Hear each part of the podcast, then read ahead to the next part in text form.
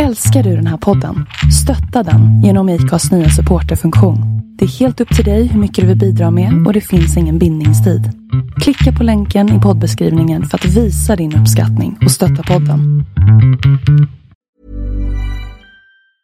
Normally, being a little extra might be a bit much, but not when it comes to healthcare. That's why United Healthcare's Health Protector Guard fixed indemnity insurance plans, underwritten by Golden Rule Insurance Company, supplement your primary plan so you manage out of pocket costs. Learn more at uh1.com. Hiring for your small business? If you're not looking for professionals on LinkedIn, you're looking in the wrong place. That's like looking for your car keys in a fish tank.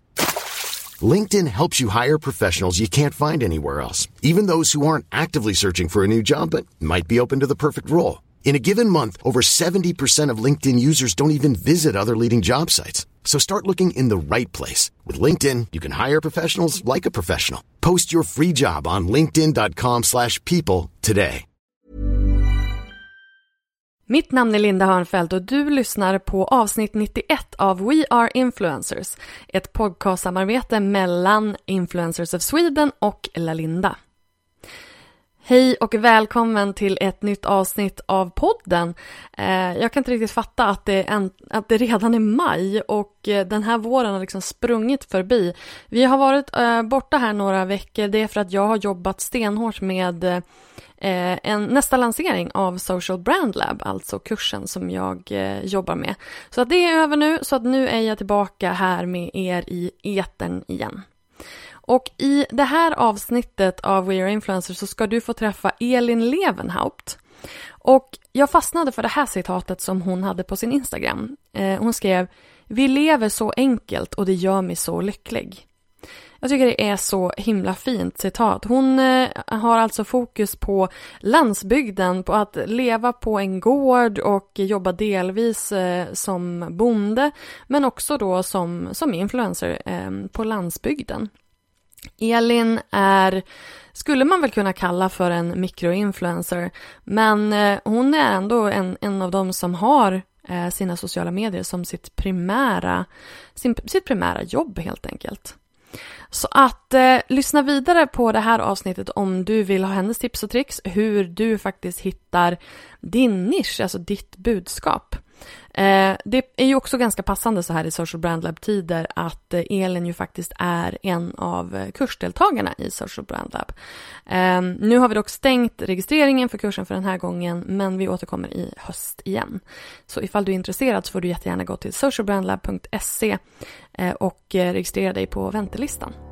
Här kommer mitt, min intervju med Elin Levenhaupt.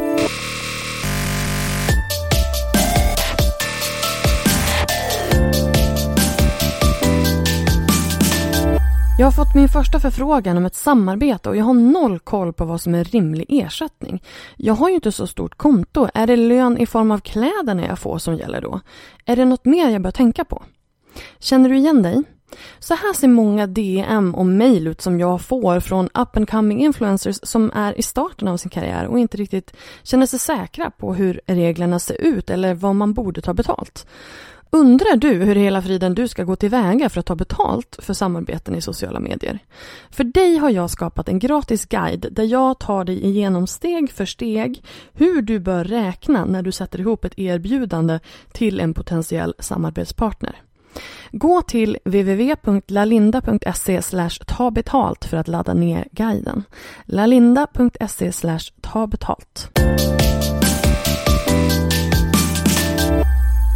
Hej och varmt välkommen Elin Levenhaupt.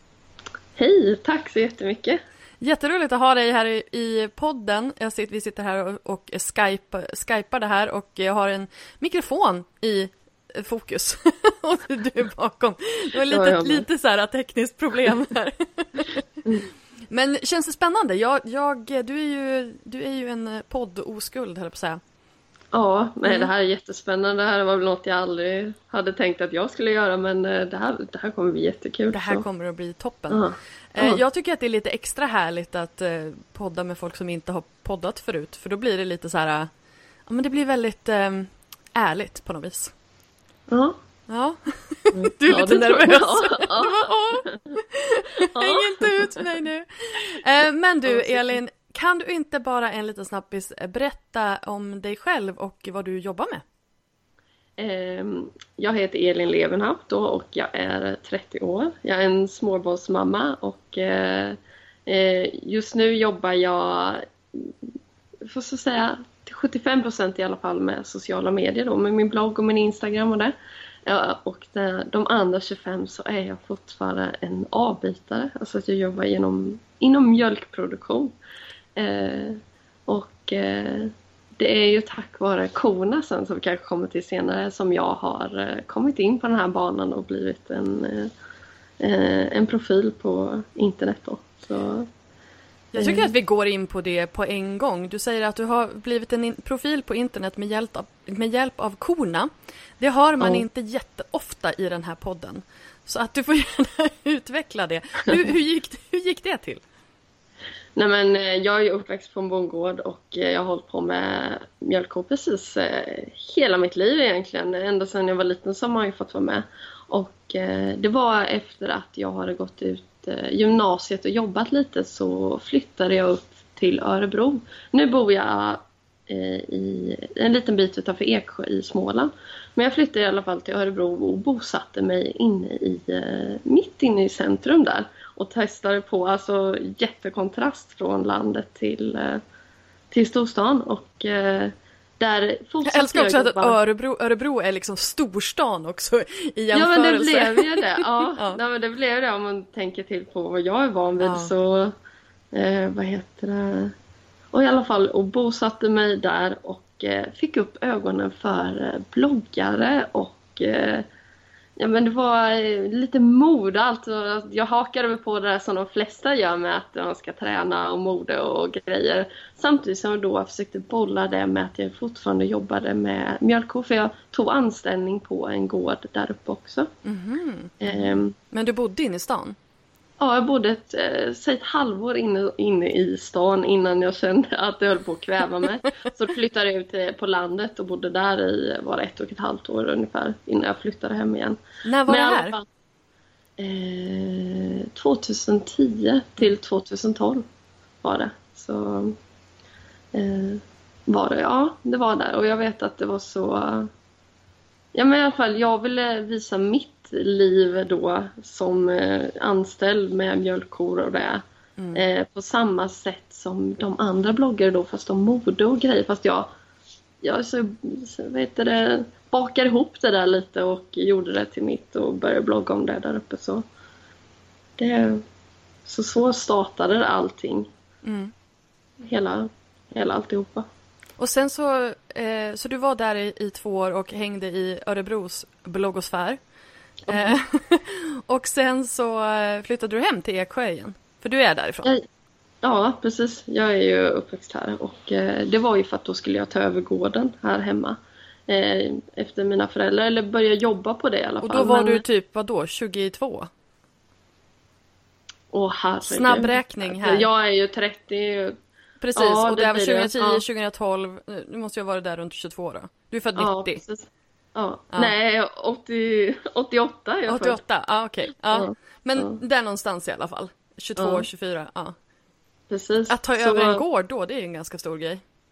Ja, det var det ju. Och sen så eh, är man insatt i allting som har med lantbruk och sånt att göra så kom ju liksom Det var mjölkkrisen och man fick inte bra betalt och mm. allting var så vi kämpade ju på och försökte liksom Vi ville ju utveckla gården för att eh, djuren skulle ha det så bra som möjligt men fick liksom inte Inte bygga för att det var en sån eh, situation så då kunde liksom inte jag ja, Vi kunde inte satsa på fullt ut med företaget och liksom investera i det som behövdes för att det skulle gå runt då med allihopa. Och sen var det andra vad heter det, saker med familjen och sånt som hände och sen blev jag med barn som gjorde att eh, jag fick lägga de planerna åt sidan och vi fick lägga ner mjölkproduktionen och eh, när eh, jag fick min dotter så började jag satsa mer på, på min Instagram och bloggen och allting där. så det var liksom så jag kom in på det. Men det måste ju ha blivit en, en jäkla omställning att ha gått ifrån att eh, jobba... Alltså för det första så måste det också vara en sorg om det är någonting som man har gjort i generationer och, och sådär. Ja, det var det ju. Och jag tror jag precis har kunnat släppa det. Mm. Eh, och eh, liksom, eh, alltså, jag tror jag har bearbetat det nu ända tills, eh, för jag hann liksom aldrig riktigt komma tillbaka och börja jobba igen. Mm. Innan jag fick min andra dotter. Så jag tror jag har liksom bearbetat det här att jag släppte det och att vi satsade, att min pappa fick köra på själv då, byta bana och att jag själv bytte bana helt, alltså så stort då. Mm. Eh, liksom, ja. Ja, för jag menar från mm. mjölkproduktion till eh, sociala medier, det är ju ett ganska stort gap däremellan. Ja, det är ju ett jättegap. Alltså, det är det ju verkligen. Alltså, jag håller ju på med någonting jag aldrig i mitt liv trodde att jag skulle hålla på med. Jag var liksom så inställd på att jag skulle hålla på med djuren och nu har jag liksom hoppat in och liksom det är, ju, det är ju bara jättekul att utforska och försöka lära sig om hur sociala medier fungerar och eh, liksom, det var liksom det var så jädra lärdom och jag liksom lärt mig så fruktansvärt mycket på denna korta tiden om allting. Så... Vad, vad är det några av de grejerna som du känner att du har lärt dig de här, de här åren? Ja men eh, liksom så här. Eh, jag, jag har nog aldrig riktigt fattat att eh, man liksom kan sälja och arbeta på det sättet och vara ett varumärke. Eh, och ha sig en nisch och sånt. Det har jag verkligen lärt mig jätte... Alltså, det har jag ju verkligen lärt mig. Och så till exempel, jag kan ju ta det till mina första samarbeten. Jag var ju den som inte... Eh, alltså jag var inte inne i det här ekorrdjuret riktigt än och gick ju på det här med att ta emot produkter istället för att ta emot betalning. Vilket resulterade i att någon annan såg det och jag faktiskt en, jag tror en av de första som blev anmäld till reklam, reklam om Ombudsmannen. Reklamombudsmannen. Reklamombud, reklamombudsmannen, ja. ja. Så jag fick ju nästan lära mig den hårda vägen, vilket också jag tycker var riktigt bra för att det gjorde att jag läste på och förstod vad, alltså vad jag var tvungen att göra och ha koll på. Även om det är massor fortfarande som jag lär mig liksom hela tiden. Det känns som varje dag så lär du dig något nytt. Så. Men eh, jag fick så, alltså fick den blev... hårda vägen. Ja men du, för du blev fälld, eller hur? Ja, det blev Av reklamombudsmannen. Så... Och det här ja. var, visst var det här ett Daniel Wellington-samarbete om jag minns precis. Ja, rätt? precis. Ja. Så. Och det är ju liksom, och det är ju som sagt, det är ju väldigt intressant för det blir ju också lite så, speciellt om man som du inte, alltså du var ju inte, har inte varit med superlänge och har inte ja men hänger inte i, i bloggklicken om man säger så i Stockholm nej, nej, nej, precis. pratar med andra och så. sådär. Så det måste ju ha blivit lite en, ja, eh, eh, som en, en eh, ishink överhälld över dig när du bara oj oj.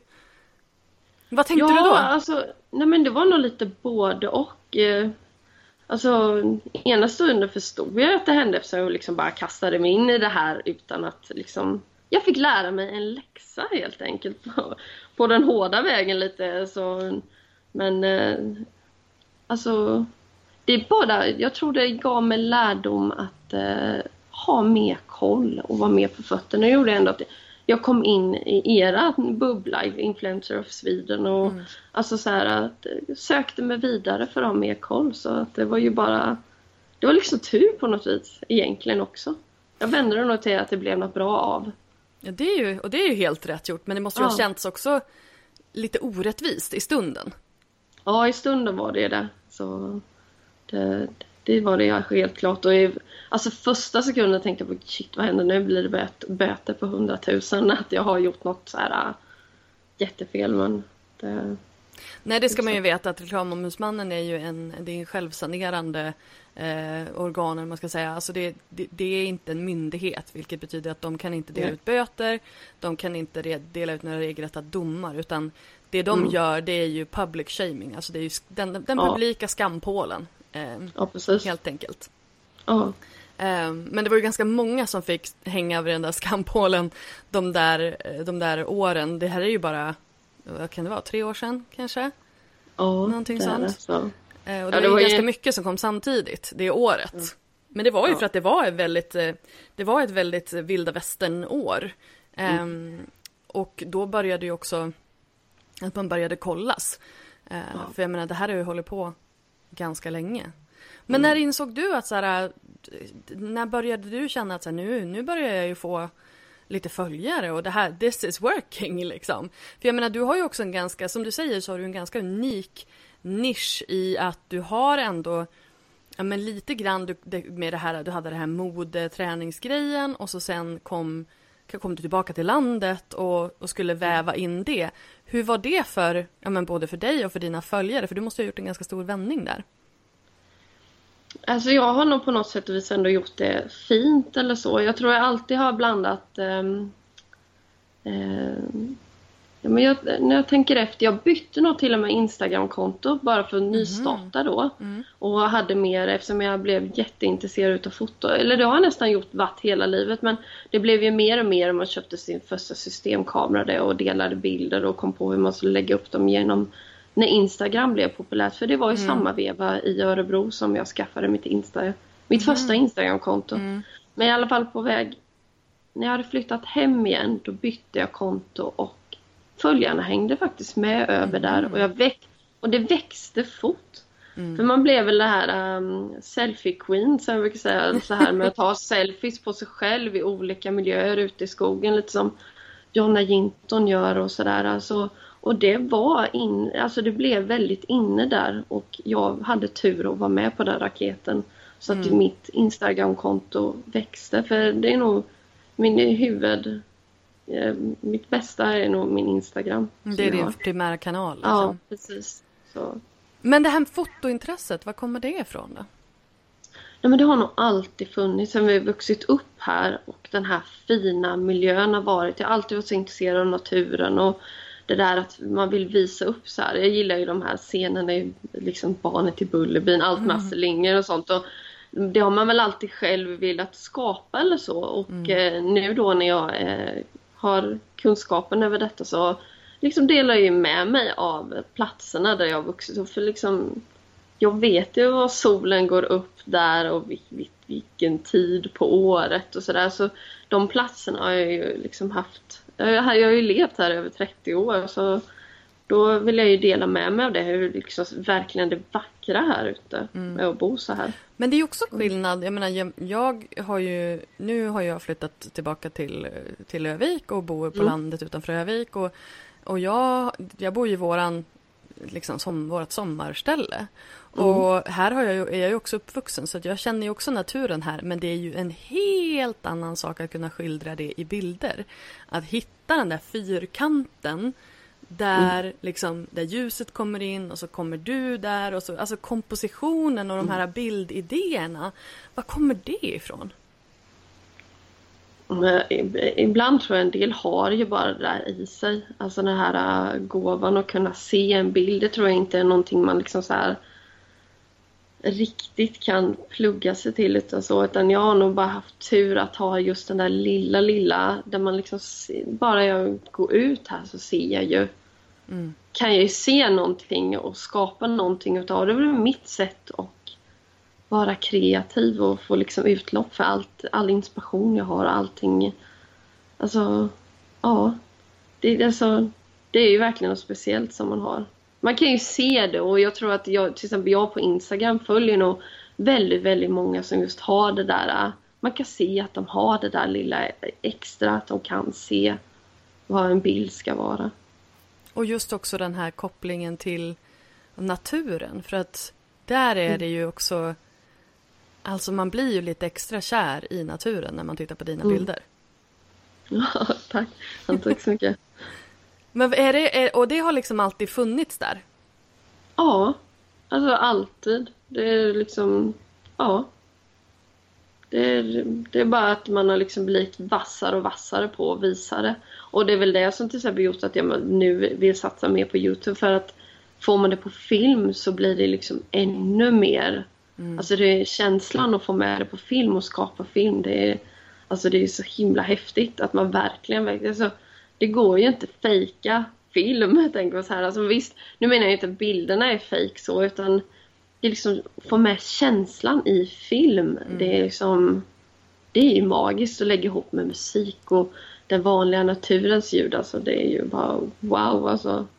Ja, du är ju väldigt, alltså du, du gör ju väldigt mycket så stämningsfulla videos. Medan om man tittar på sig själv eller man tittar på andra som gör alltså den typiska YouTube-videon som i eh, challenges eller vloggar eller du vet. Du, och du tar med kameran ut i, i skogen eller i eh, växthuset eller i, och mm. gör liksom en, en stämningsfull video av det hela. Det är någonting helt annat.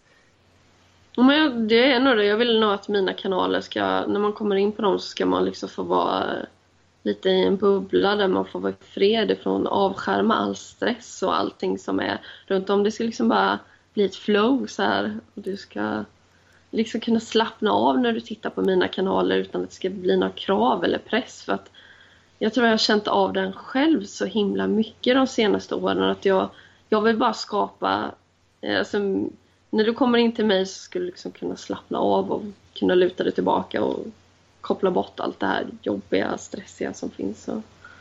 Det är ju det är fantastiskt, tack för det. Men, men alltså, du säger att du har känt av det här stressiga. Alltså, för det är ju också lite den världen vi lever i nu med sociala mm. medier och, och alltså den här perfektionshetsen eller vad man ska kalla det. Mm. Är det någonting som också har kommit ikapp dig ja. i det här jobbet? Ja, det har det ju. Alltså för eh, det var väl så man liksom startade allt det där med att allting skulle se perfekt och eh, utseende, träning, inredning, hus, hem, eh, allt det där. Så det stressar en, det sliter ju på en och det är nog det jag vill att mina kanaler ska inte innehålla det längre. Alltså stressen av att se, det kan ju liksom inte så här Ja men jag tror du är en av dem som har sagt det här att man ska vara rädd om vad man egentligen har i sitt Instagramflöde. Mm. Att eh, om, eh, alltså, om jag avföljer någon är det oftast inte för personen själv utan det är för att jag själv ska vara rädd om mig själv och vad mm. jag ser. Och eh, det är liksom... Ja, så nu tappade jag att jag nej, skulle komma. Nej, men jag brukar säga det att, liksom att man måste ta ansvar för sitt eget välmående och just det här att följa sånt som man faktiskt inspireras av och inte sånt som mm. man kanske tror att man inspireras av eller som man inom citationstecken borde inspireras av. Mm. Du vet alla de här utomlandsresorna och strandbilderna och träningsbilderna och allt vad det är för någonting. Utan känner man, inte, känner man att det bara är jobbigt och att man känner att man blir stressad av det, avfölj. Därför att ja. ingen kommer att tacka dig liksom. Ja, det var det jag skulle komma till. Jag ofta bakar man ihop kanske vad tio personer gör och får för sig att det är en som gör det. Exakt. Och det, det är där det, det är farligt. Alltså så. Då mm. Det stressar igen utan, till och med utan att jag tror man förstår det själv ibland. Utan man måste verkligen tänka till. Mm. Och det, det är farligt. Alltså Men jag, jag, säger det tror jag i, om det var min förra föreläsning eller om det är i Social Brand Lab, som ju du eh, har ja. gått. ja, eh, min utbildning. Um, där säger jag så här att plocka fram telefonen och titta på de tio senaste bilderna i ditt flöde. Hur får de dig att känna? Eh, och verkligen så här analysera, känn efter på varje bild. Inte bara så här scrolla, scrolla, scrolla utan känn mm. efter på varje bild. Får den här mig att må bra? Är det här mm. inspirerande? Är det utbildande? Är det underhållande? Eller är det bara någonting som som, är, som klassas som inspirerande fast egentligen så är det bara pressure liksom. Mm. Hur har du lyckats göra det?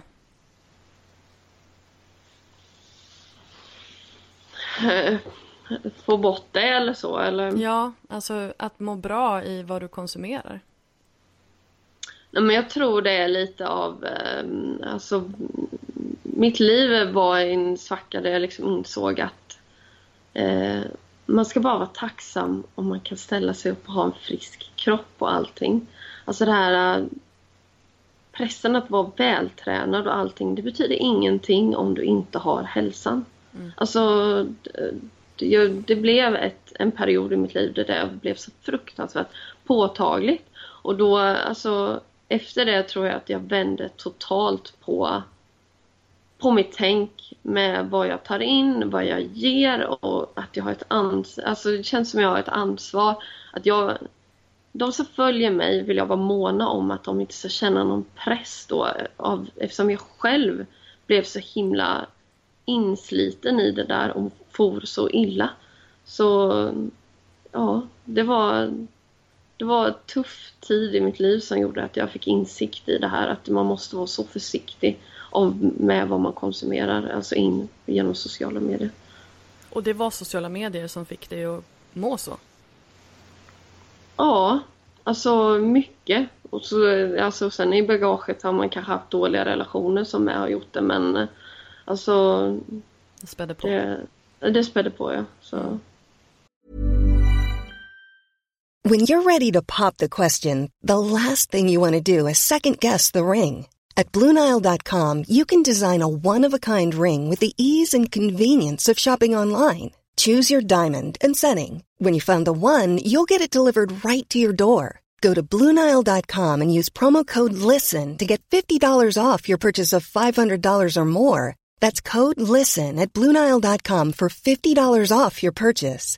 Bluenile.com code LISTEN. Even on a budget, quality is non negotiable. That's why Quince is the place to score high end essentials at 50 to 80% less than similar brands. Get your hands on buttery soft cashmere sweaters from just 60 bucks, Italian leather jackets, and so much more. And the best part about Quince, they exclusively partner with factories committed to safe, ethical, and responsible manufacturing. Elevate your style without the elevated price tag with Quince. Go to quince.com slash upgrade for free shipping and 365-day returns. Burrow's furniture is built for the way you live.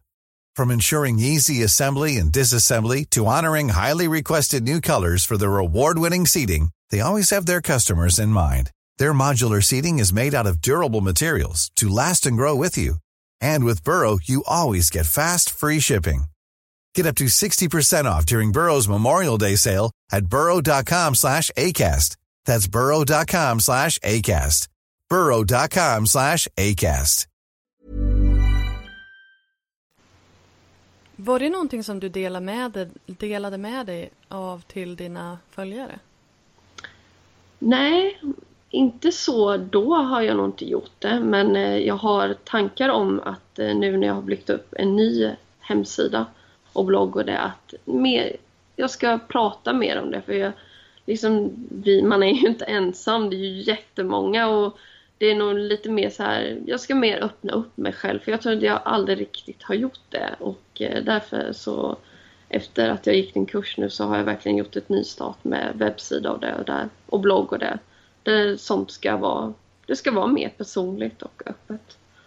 Tack! Mm. Alltså det, det känns ju, det är ju jätteroligt att höra att ja. du har liksom Alltså, och sen är jag ju så här, man ska absolut inte dela med sig av mer än vad man känner man är bekväm med. Mm. Utan det ja, måste precis. ju kännas bra. Men jag tror ju också att när man öppnar upp sig och om det som är jobbigt.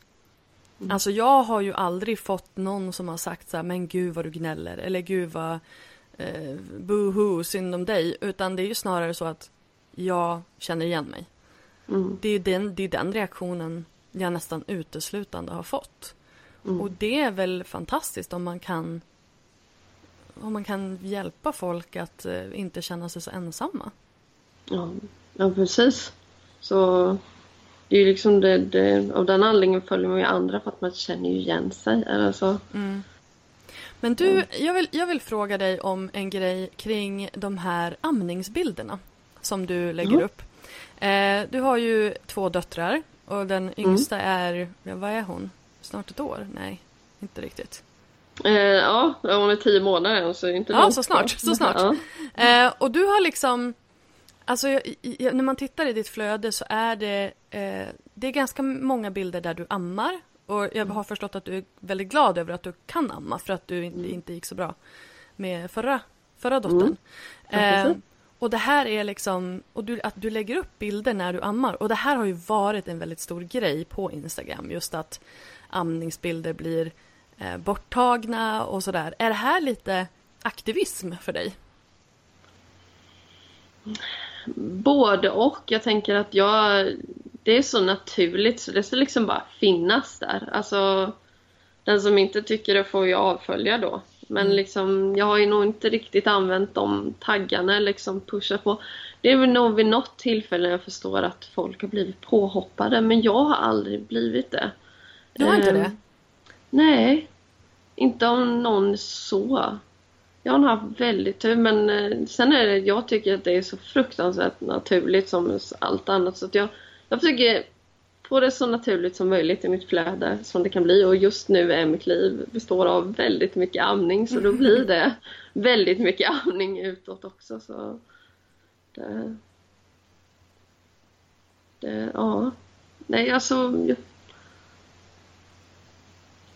nej jag får nog inte säga att det Nej men jag tycker att det är, det där är bara intressant för att det blir, för du skriver ju sällan om det. Du skriver ju sällan om att, alltså på de här bilderna som där du ammar, texten handlar inte om det.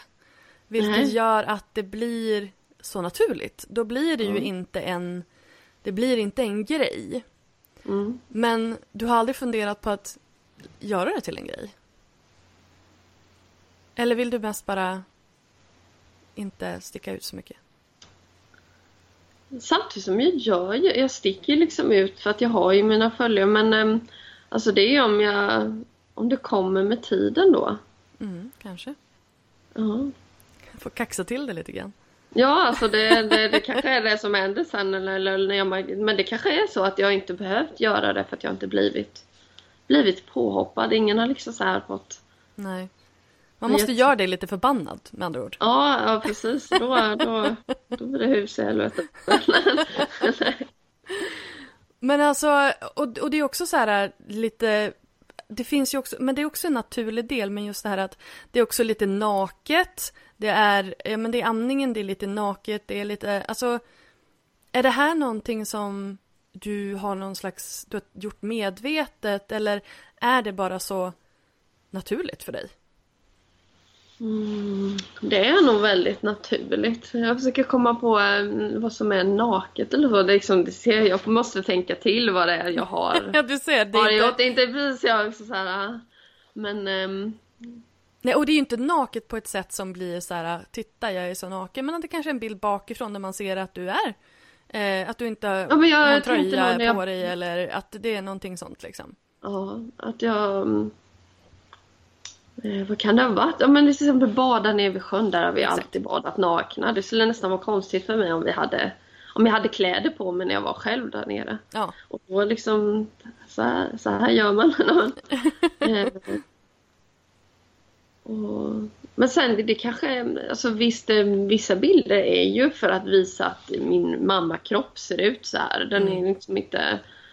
Det kan nog vara för att i början långt in Ja men när jag startade var det ju bara de här att det skulle se ut som jag var så vältränad och hela det här, allt skulle ju bara se så perfekt ut som möjligt att jag jag, rätt, alltså jag tar inte bort någonting, allt, det ska bara se ut som det är och jag vill väl visa hur det är i alla vinklar med allting och jag kan nog, ja men jag kan nog komma tillbaka att eh, någon gång i tiden så hade jag inte lagt upp en bild om en blodådra syntes där eller en rynka eller ett märke eller alltså, så skadad var man ju för så många år sedan och att eh, så, så vill jag inte ha det. Det är inte min kanal längre. Så här.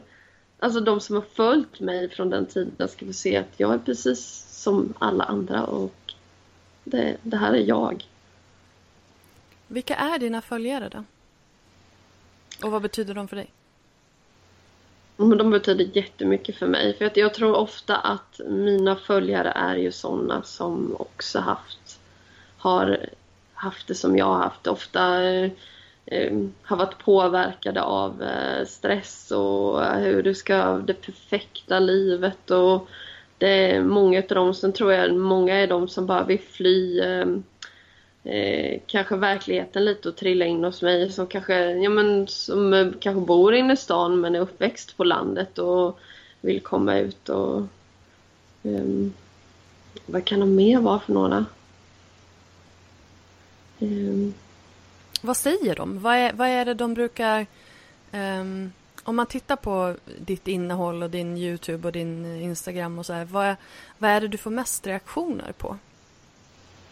Men det är ju det här naturliga. Att mm. det är djuren och det är trädgårdslivet och det är jordbruket och det är skogen och det är jag med mina barn i det. Där vi bara är eller så. Eh, de får liksom hänga med i vardags, mitt vardagsliv.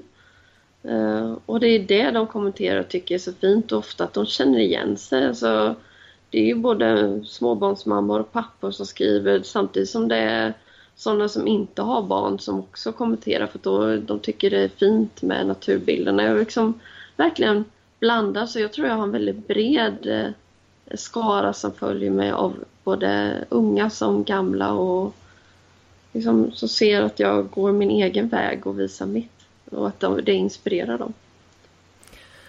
Men sen tänker jag också på det, hur, hur du tänker kring samarbeten. För jag scrollade igenom din Instagram och du gör ju ganska mycket samarbeten.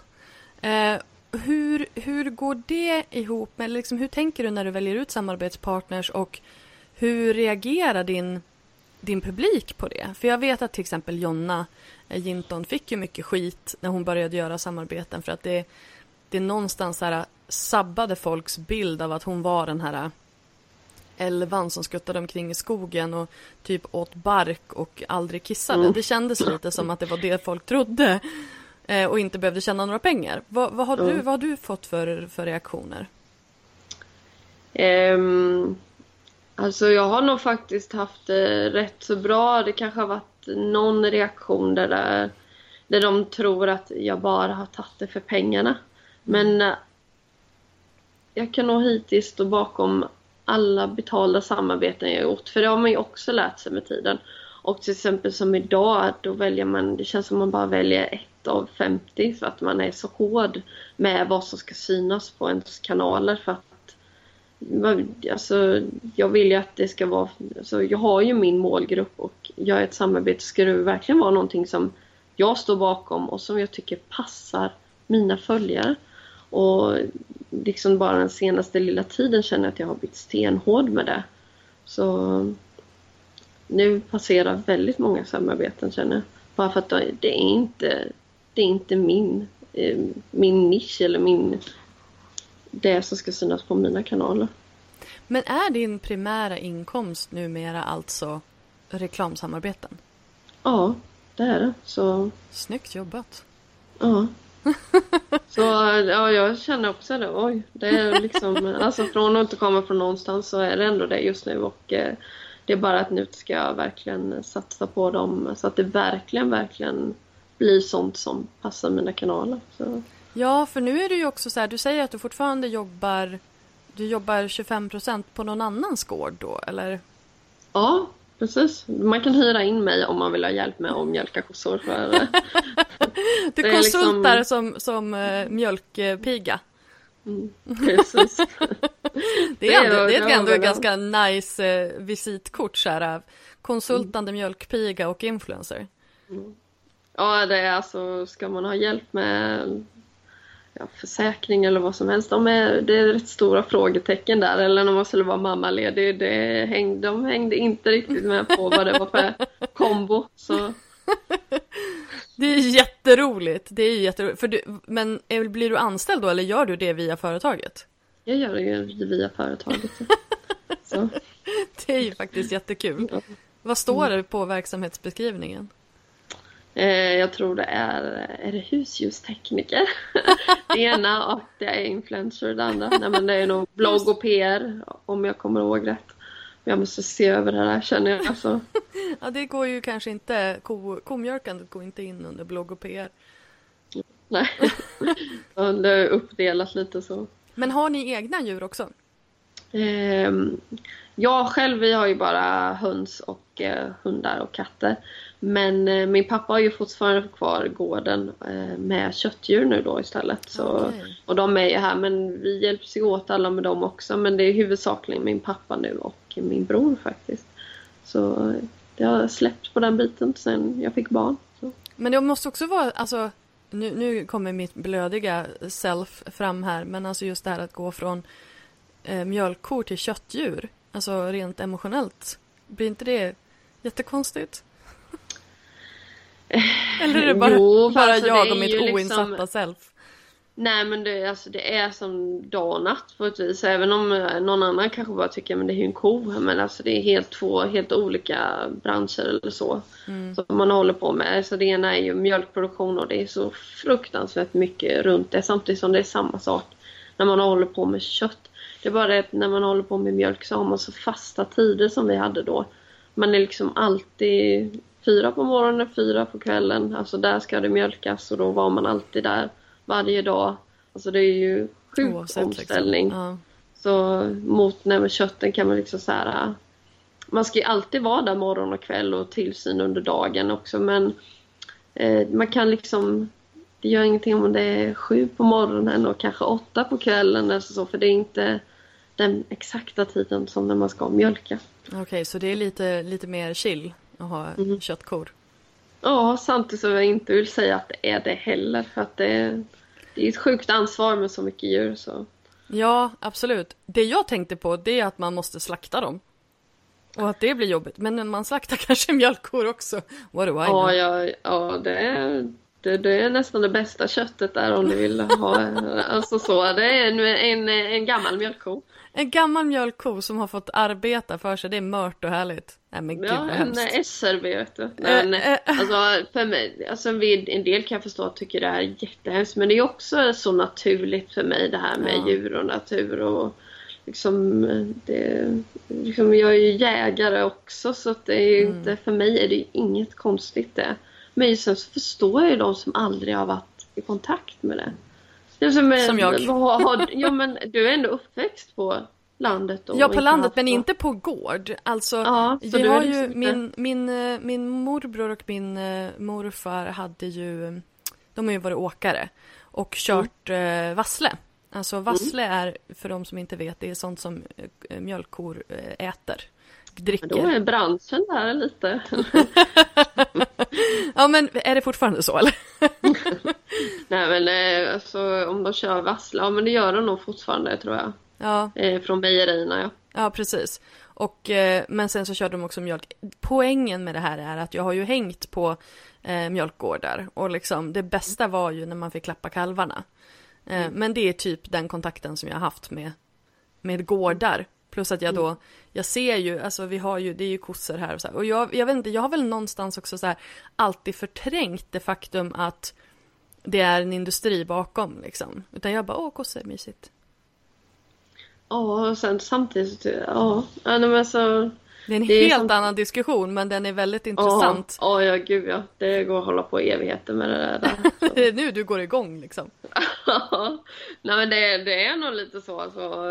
Man klamrar nog inte in på mina sociala medier och påstår någonting som inte är Alltså som är, alltså du kan inte komma med något som du tror är fakta om svensk jordbruk utan att jag, då ryter jag ifrån.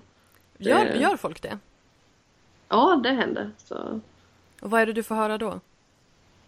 Ja, men det är ju det här att det skulle vara eh, som miljöbo och såna här grejer. Då, det, det lägger jag ju mycket fokus på på min Facebook-sida. Eh, att eh, man inte ska ta... För det, det är så mycket felaktig fakta som är ute när man liksom själv går och lever i det här och förstår hur liksom det kretsloppet hänger ihop. Så det, och det, Så det är din Facebook-sida man ska hänga på ifall man är intresserad av eh, den, den delen av det hela. ja, det är precis. Alltså jag tycker det, det, jag ser liksom det blänker till lite i ögonen Ja. på dig så här, när man pratar om de här grejerna. Är det inte, eh, alltså det, det borde det, det skulle ju vara intressant att läsa lite mer om också, tänker jag, på alla de olika kanalerna. Ja, det blir mer det i framtiden och det är ju alltså, tack vare att jag gick din kurs och förstod vad jag brinner för. Och då, alltså det blir, jag har, jag har ju så mycket planer inför framtiden så att eh, Oh, berätta, berätta, berätta. men det är ju bland annat att liksom pusha mer för svenska grejer och jordbruket och eh, liksom hållbarhet och eh, liksom ja så lite mm, ja, jag vet inte hur mycket jag ska säga av allting jag har för alla. Allt, allt! Men, eh, och det, så det är sånt jag håller på. Jag håller bara på just nu att bygga upp färdigt min hemsida och sen ska jag gasa iväg med alla tankar jag har antecknat i Gud framåt, vad spännande. Vi får göra en uppföljningspodd alltså om eh, ett par år och se vad som har hänt med Elin Levenhaupt AB. Det, det kommer ju uppenbarligen att dra iväg, det hör ju jag. Och jag vet någon frågade mig vad jag gör om en tid. Jag bara, då syns jag på TV.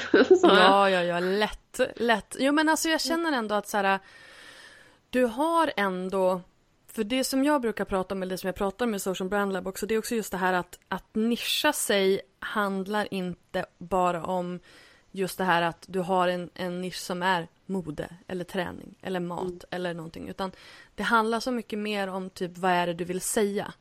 Vad har du för budskap? Hur vill du påverka människor runt omkring dig? Mm. Och det är ju där någonstans jag känner att där har du en så tydlig nisch. Eh, mm. Plus att du har ett väldigt tydligt bildspråk, du har väldigt tydlig, alltså ja, jag tycker du har väldigt tydligt mm. varumärke helt enkelt. Ja. Ja, det är det jag vill, vill ha och vill jobba vidare på nu och eh, ja. Vad, vad, vad, hur ser liksom, hur ser drömmen ut? Förutom att vara med på TV då? då?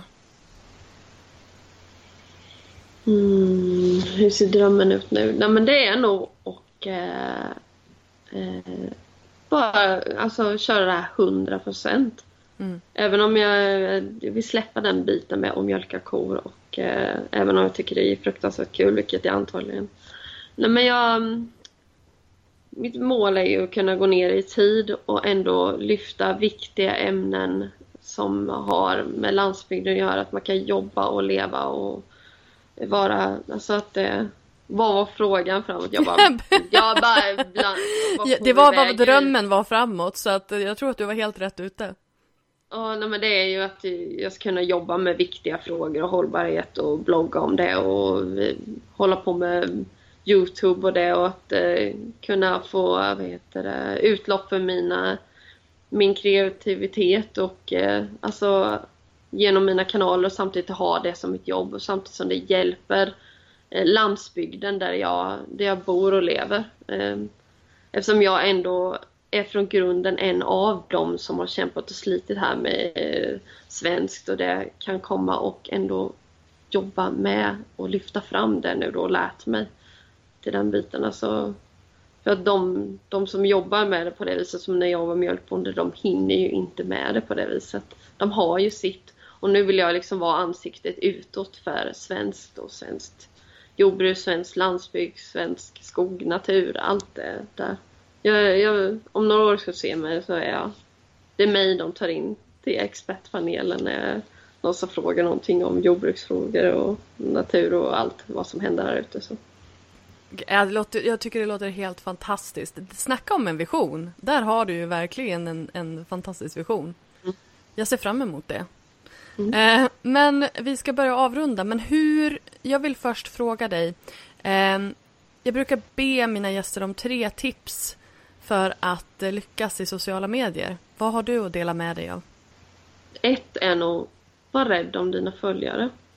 Bry dig inte om hur många de är, utan lär känna dem och eh, var rädd om dem, prata med dem.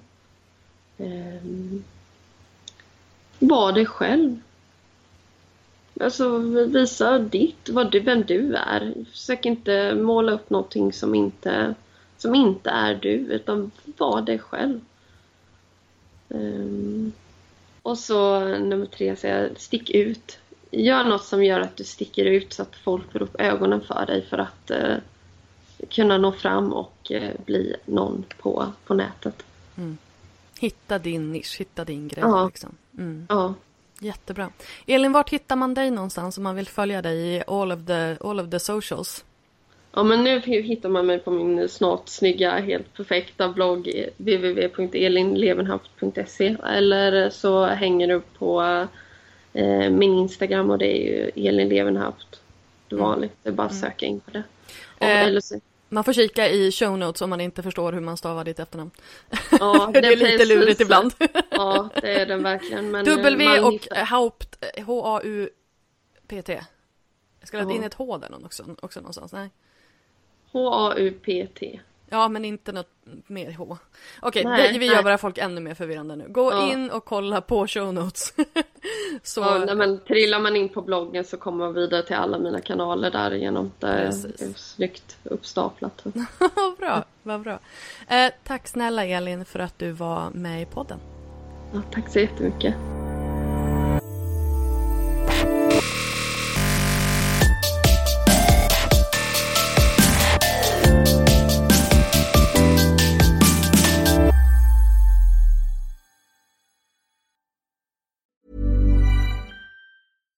When we're on a budget, we still deserve nice things. Quince is a place to scoop up stunning high-end goods for 50 to 80% less than similar brands. They have buttery soft cashmere sweaters starting at $50, luxurious Italian leather bags, and so much more.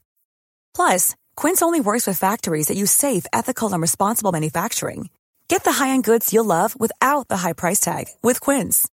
Go to quince.com slash style for free shipping and 365-day returns. Mom deserves the best, and there's no better place to shop for Mother's Day than Whole Foods Market. They're your destination for unbeatable savings, from premium gifts to show-stopping flowers and irresistible desserts. Start by saving 33% with Prime on all body care and candles. Then get a 15-stem bunch of tulips for just $9.99 each with Prime. Round out Mom's menu with festive rosé, irresistible berry chantilly cake, and more special treats. Come celebrate Mother's Day at Whole Foods Market.